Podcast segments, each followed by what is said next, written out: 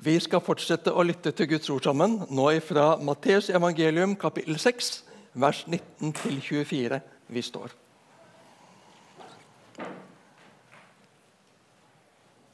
Dere skal ikke samle skatter på jorden, hvor møll og mark ødelegger, og hvor tyver bryter inn og stjeler. Men dere skal samle skatter i himmelen, der verken møll eller mark ødelegger, og tyver ikke bryter inn og stjeler.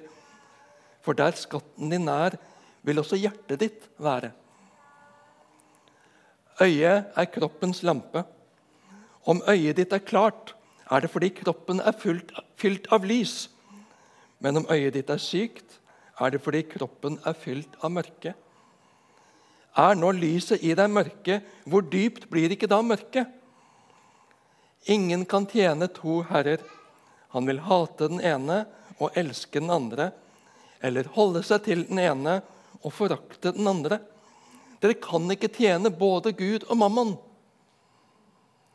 Slik lyder Herrens ord. Vær så god, sitt. Barnet går på skattejakt. Og når det finner skatten, så stråler øynene i takt med det som glinser og glitrer mellom hendene på dem. Se denne skatten som jeg har funnet! Noen ganger så kaller den sin kjære for 'skatten min'. 'Hvordan har du det, skatten min?' Det er litt koselig, ja. Jesus utfordrer oss i dag. Han utfordrer oss denne søndagen til en realitetssjekk. Hvor er hjertet mitt? Hva fokuserer øynene mine på?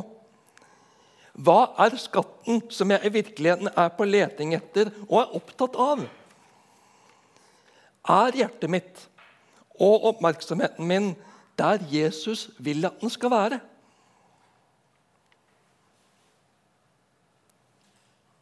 Hva slags mekanismer slår inn i deg i møte med sånne spørsmål? Krymper du deg litt sammen? For du ønsker egentlig ingen endring. Jeg vil ha det som jeg har det. Jeg vil ha det jeg har. Være opptatt av det jeg er opptatt av. Ikke bland deg, Jesus.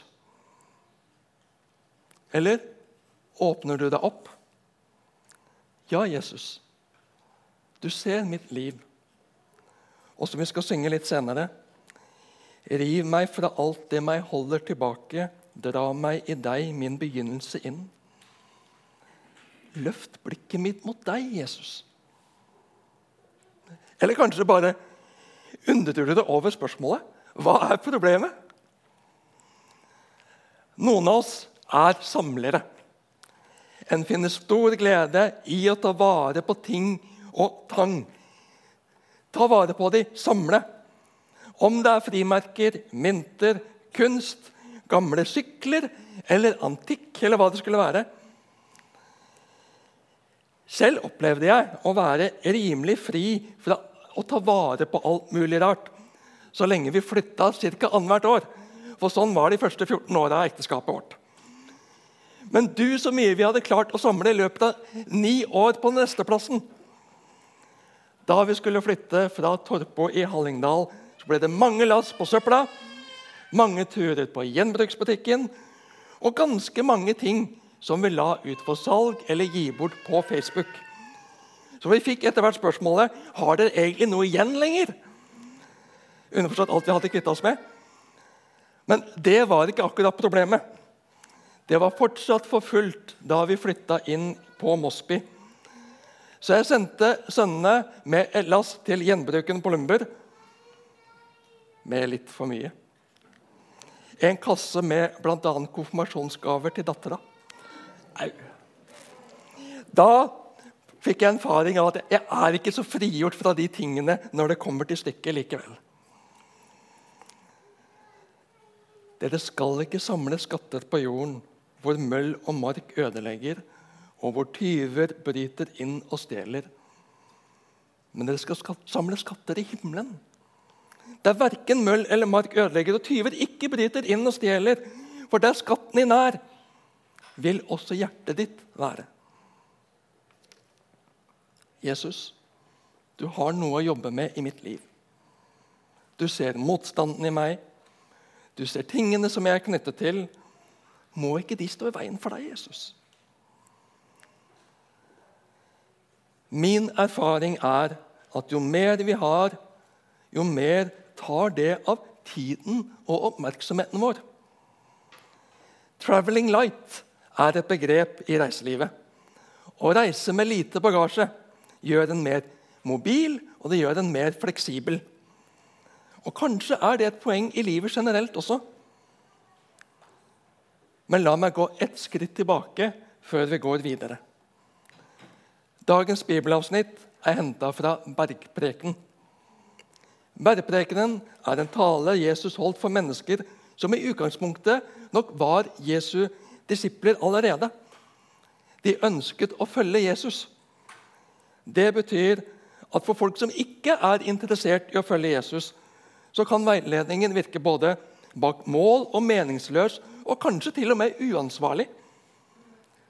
Det handler om hva jeg vil bygge livet mitt på. Vil jeg bygge livet mitt på det jeg selv kan få til? Å være selvstendig og uavhengig? Eller ønsker jeg å være en kristen? En som stoler på Gud og er en Jesu etterfølger? Jeg som pastor er dårlig egnet til å veilede deg som vil leve uten Gud.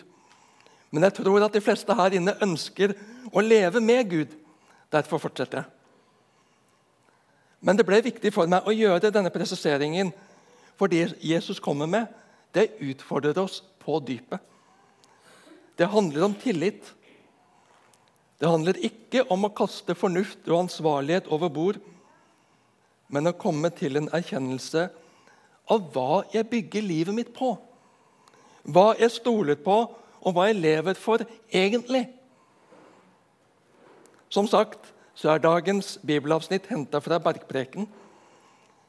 I forkant så har Jesus oppsummert Moselovens egentlige mening og budskap, nemlig Vær da fullkomne, slik deres himmelske Far er fullkommen. Grunntekstens ord for 'fullkommen' er 'teleios', dvs. Si, en som har nådd helt fram til endemålet. I bibelsk hebraisk svarer det til fredsbegrepet shalom. Og Da tenker vi kanskje lett på en hilsen, et hilsningsuttrykk. Men helt konkret så er shalom bildet av en flaske eller en beholder som er fylt helt full. Den er hel. Den er full. Ikke halvveis, ikke halvtom, men hel, fullkommen og perfekt. Jesu ord, 'Vær da fullkomne, slik deres himmelske Far er fullkommen'. Det svarer til Guds grunnleggende bud til oss mennesker i loven. Dere skal være hellige, for jeg, Herren deres Gud, er hellig. Og I tilfelle vi skulle fristes til å tro at det bare gjaldt den gamle pakt, så gjentas det i 1. Peters brev 1 også. Almisser, altså gaver til trengende, bønn og faste, det var klassiske jødiske fromhetsidealer. Og Jesus han tar tak i disse når han underviser disiplene sine. Det var fristende for religiøst engasjerte mennesker da, og det er fristende for engasjerte religiøse mennesker i dag, for kristne inkludert. Og i sin iver etter å ta troen på alvor, og samtidig med et behov for å få kred fra mennesker, og fokusere på det ytre. At jeg i det ytre tar mine trosplikter og trosidealer på alvor. Jeg vil jo vise at jeg vil være en skikkelig kristen. Jeg viser at jeg faster, jeg viser, at jeg gir, og at jeg ber lange, fine bønner med stor innlevelse. Dere skal ikke være i tvil om at jeg tar troa mi på alvor. Vi skal jo være gode eksempler for hverandre. Jeg tror det var akkurat sånn fariseerne tenkte. Men sann fromhet er ikke til for at vi skal ha noe å vise fram for meddisiplene våre. Sann framhet handler om det takknemlige hjertet som benådede disipler vender mot Gud i himmelen alene. Og Det er også denne gudvendte hjerteinnstillingen som Jesus har i tankene idet han i vår tekst forlater punktet om faste, som er versene i forkant av teksten vår, og går over til å advare mot mammon-livssynets snikende fare. Samle dere ikke skatter på jorden, hvor møll og rust tærer, og hvor tyver bryter inn og stjeler. Sånn er det oversatt i Norsk bibel 88. Og På grunnspråket så har denne setningen bydeformen 'Skatt samle dere ikke skatter på jorden'. Men nektingspartikkelen gjør likevel bydeformen litt mykere enn i de budene vi kjenner fra de ti bud. Så kanskje kan vi oversette med at vi skal ikke først og fremst samle skatter på jorden. Det er en kjærlig og nådig disippelformaning Jesus her forkynner oss. Ikke et absolutt og majestetisk bud. Det er ikke et forbud mot å eie. På den andre siden så er det likevel et majestetisk og absolutt bud Jesus tar utgangspunkt i og konkretiserer, nemlig budet mot avgudsdyrkelse. Du skal ikke ha andre guder enn meg. Jesus ønsker rett og slett modne og tenkende disipler som greier å tenke proporsjonalt riktig om forholdet mellom de absolutte budene og hverdagsformaningenes fromhetsidealer. På den ene siden så trenger alle disipler såpass med skatter på jorden at vi kan livnære oss selv og familiene våre. Men på den andre siden så trenger vi også sterkt å advares mot mammons iboende urettferdighet, som vi kan lese om i Lukas 16 f.eks. Her på jorden.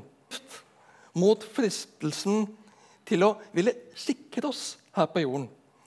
Ved å feste hjertets og troens grunnleggende tillit til mammon, til pengene, til det materielle, det vi eier, istedenfor til Gud.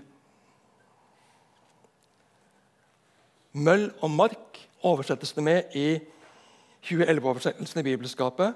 Møll og rust i Norsk Bibel 88. Det første uttrykket på gresk betegner insekter som spiser klær eller treverk. Det andre betegner selve nedbrytingsprosessen, inkludert nedbrytende korrosjon av metaller. Verbet som brukes, tegner bildet av en overflate som tildekkes, skjules eller ødelegges.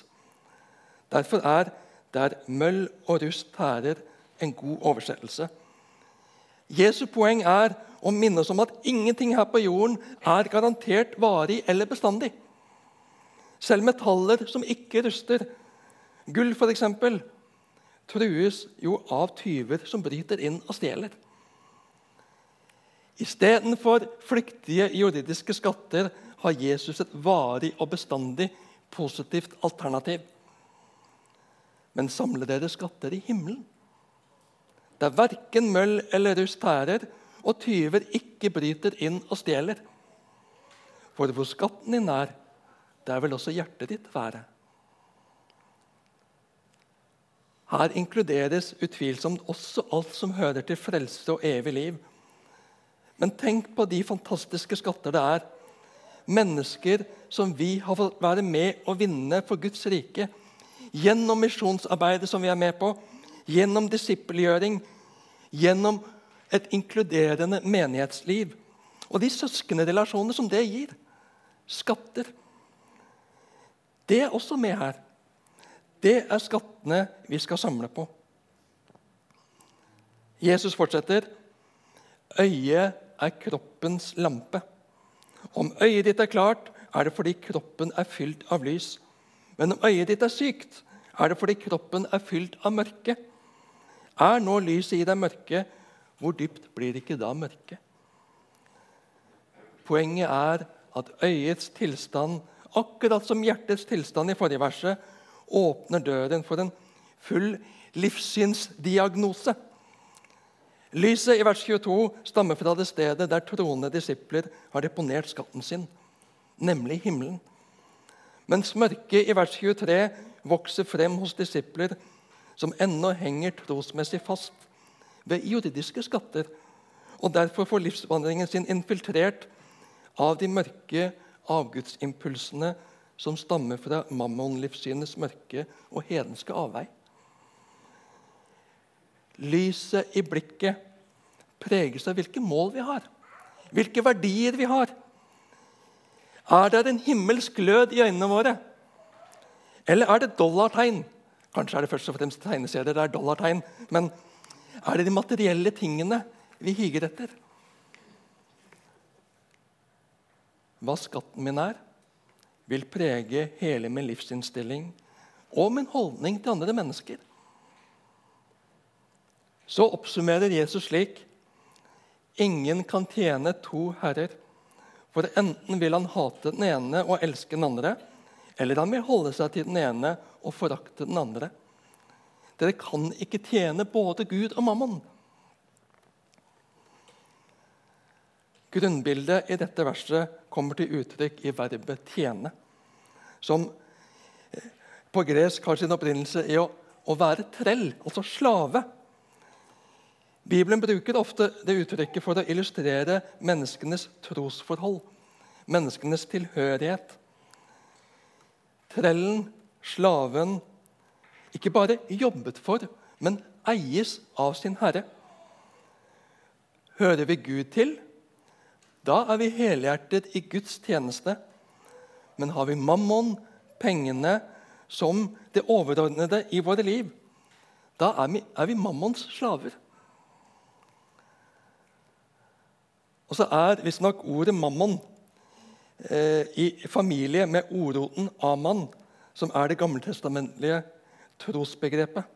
Og Både rabbinske tekster og Jesus bruker mammon om penger og rikdom som fungerer som avgud, ved å fortrenge tillitsfull og helhjertet tro på Gud. Pengenes makt. Hvor lett tenker vi når vi får penger inn på kontoen, eller utsikter for penger inn på kontoen? Hva skal jeg realisere med disse pengene? Fått forvarsel om at du får penger igjen på skatten. Hva kan jeg kjøpe nå? Hva kan jeg bruke dette på? Det kan være opplevelser, det kan være investeringer, noe jeg har lyst til å kjøpe meg. Eller rett og slett at det gir en trygghet å ha en buffer på konto. Det kommer ikke like fort opp i bevisstheten, i hvert fall ikke i min. Hvem kan jeg gi til å hjelpe nå? Hvordan skal jeg forvalte dette på beste måte i tråd med Guds vilje? Hvor mye av det som kommer inn på min, min konto, forvaltes til meg og mitt og mine? Og hvor mye gir jeg videre? Skatten det er det myndighetene, de folkevalgte, som regulerer. Så det er ikke det jeg tenker på her. Det kan vi holde utenfor. Men det som vi får utbetalt Bibelen gir oss ikke et bud, men en god og konkret utfordring i Malaki 3 om å bringe hele tiden, tienden, altså 10% av det som kommer inn, gi tilbake til Gud. Og på den måten prøve Gud om ikke han vil velsigne oss rikt tilbake. Jeg tør ikke la være. Det er et vågestykke å gjøre det og gi tienden, men jeg gleder meg over å endelig fått en ordning på det. Fast givertjeneste er en god hjelp i det, at den justeres i tråd med inntekten. Tiende og takkegaver. Tienden ligger i bunnen. Takkegaver ut ifra hva en får hjertet til å gi. Så syns jeg det er herlig å lese i 2. Mosebok 36 om engasjementet i Guds folk da helligdommen skulle bygges. De ga mer enn det som trengtes. De måtte, måtte rett og slett si stopp. Det er nok. De var så begeistret over byggingen av Guds hus. Vi har nylig fornyet og utvidet Misjonshuset for å gi rom for flere. Vi har litt lån på det, men det håper jeg vi skal bli kvitt ganske fort. Vi har sagt fra oss leieinntekter på leil fire leiligheter i annen etasje for å få rom til å fostre barna våre, for å fostre barna i troen på en bedre måte enn tidligere. Og vi får stå i et stort så- og innhøstningsarbeid blant mange folkegrupper rundt om i verden i Misjonssambandet. de som ikke har hørt, må få muligheten til å høre. De må få muligheten til å komme til tro på Jesus og bli frelst. Vi har rundt regna, jeg sleit med å finne et helt oppdatert tall, men ca. 130 utsendinger rundt om i verden. Vi støtter nasjonale kirker i å nå ut med budskapet om frelse i Jesus Kristus til alle mennesker. Det er klart at det koster. Men hva er viktigst for oss? Vi opplever at det meste har blitt dyrere. Og mye rundt oss er mer usikkert. Det er fristende å holde igjen. Og vi skal absolutt tenke igjennom hva vi bruker penger på. Men du og jeg skal også ta en gjennomgang av dine og mine vaner og din og min tenkning for å avsløre hvor skatten vår, skatten for våre hjerter, virkelig er. Åndenes makt har gått på TV. Jeg vet ikke hvor mange år. Jeg tror de fleste av oss er obs på at det er ulike makter, ulike åndskrefter. Og Vi skal ikke skikke oss slik at andre ånder får makt over oss. Samtidig så er jeg redd for at vi har lett for å tenke at penger, det er jo nøytralt. Og penger i seg selv, ja, det er nøytralt. Men det er krefter i oss og det er krefter rundt oss som kan knytte stor makt til pengene. Makt over oss, makt over sinnet vårt, makt over hva som styrer og leder oss og fyller hjertene våre. Og jeg tror at jo mer vi har, jo større er faren for at det tar hjertet vårt. Den fattige er avhengig av hjelp i hverdagen. Sånn er det bare. Den rike, den selvfinansierte, har en opplevelse av å ha en viss kontroll. Å ha en viss makt, posisjon, trygghet i det jeg har hånd om og tilgang på. Det som har min tillit, det er min Gud. Hva har hjertet mitt? Hva har tilliten min? Hva stoler jeg på? så var det flott å høre Sally lese fra 1. Johannesbrev, kapittel 2. Elsk ikke verden, heller ikke det som er i verden. Den som elsker verden, har ikke kjærlighet til Far i seg. For alt som er i verden, kroppens begjær, øynenes begjær og skrytet av alt den eier, det er ikke av Far, men av verden. For verden går til grunne med alt sitt begjær, men den som gjør Guds vilje, består til evig tid. Det handler ikke om hvor mye du eier, men hva som eier deg. Hva lever vi for? Hva prioriterer vi våre ressurser inn i? Er det mitt rike, eller, eller er det Guds rike som jeg vil bygge?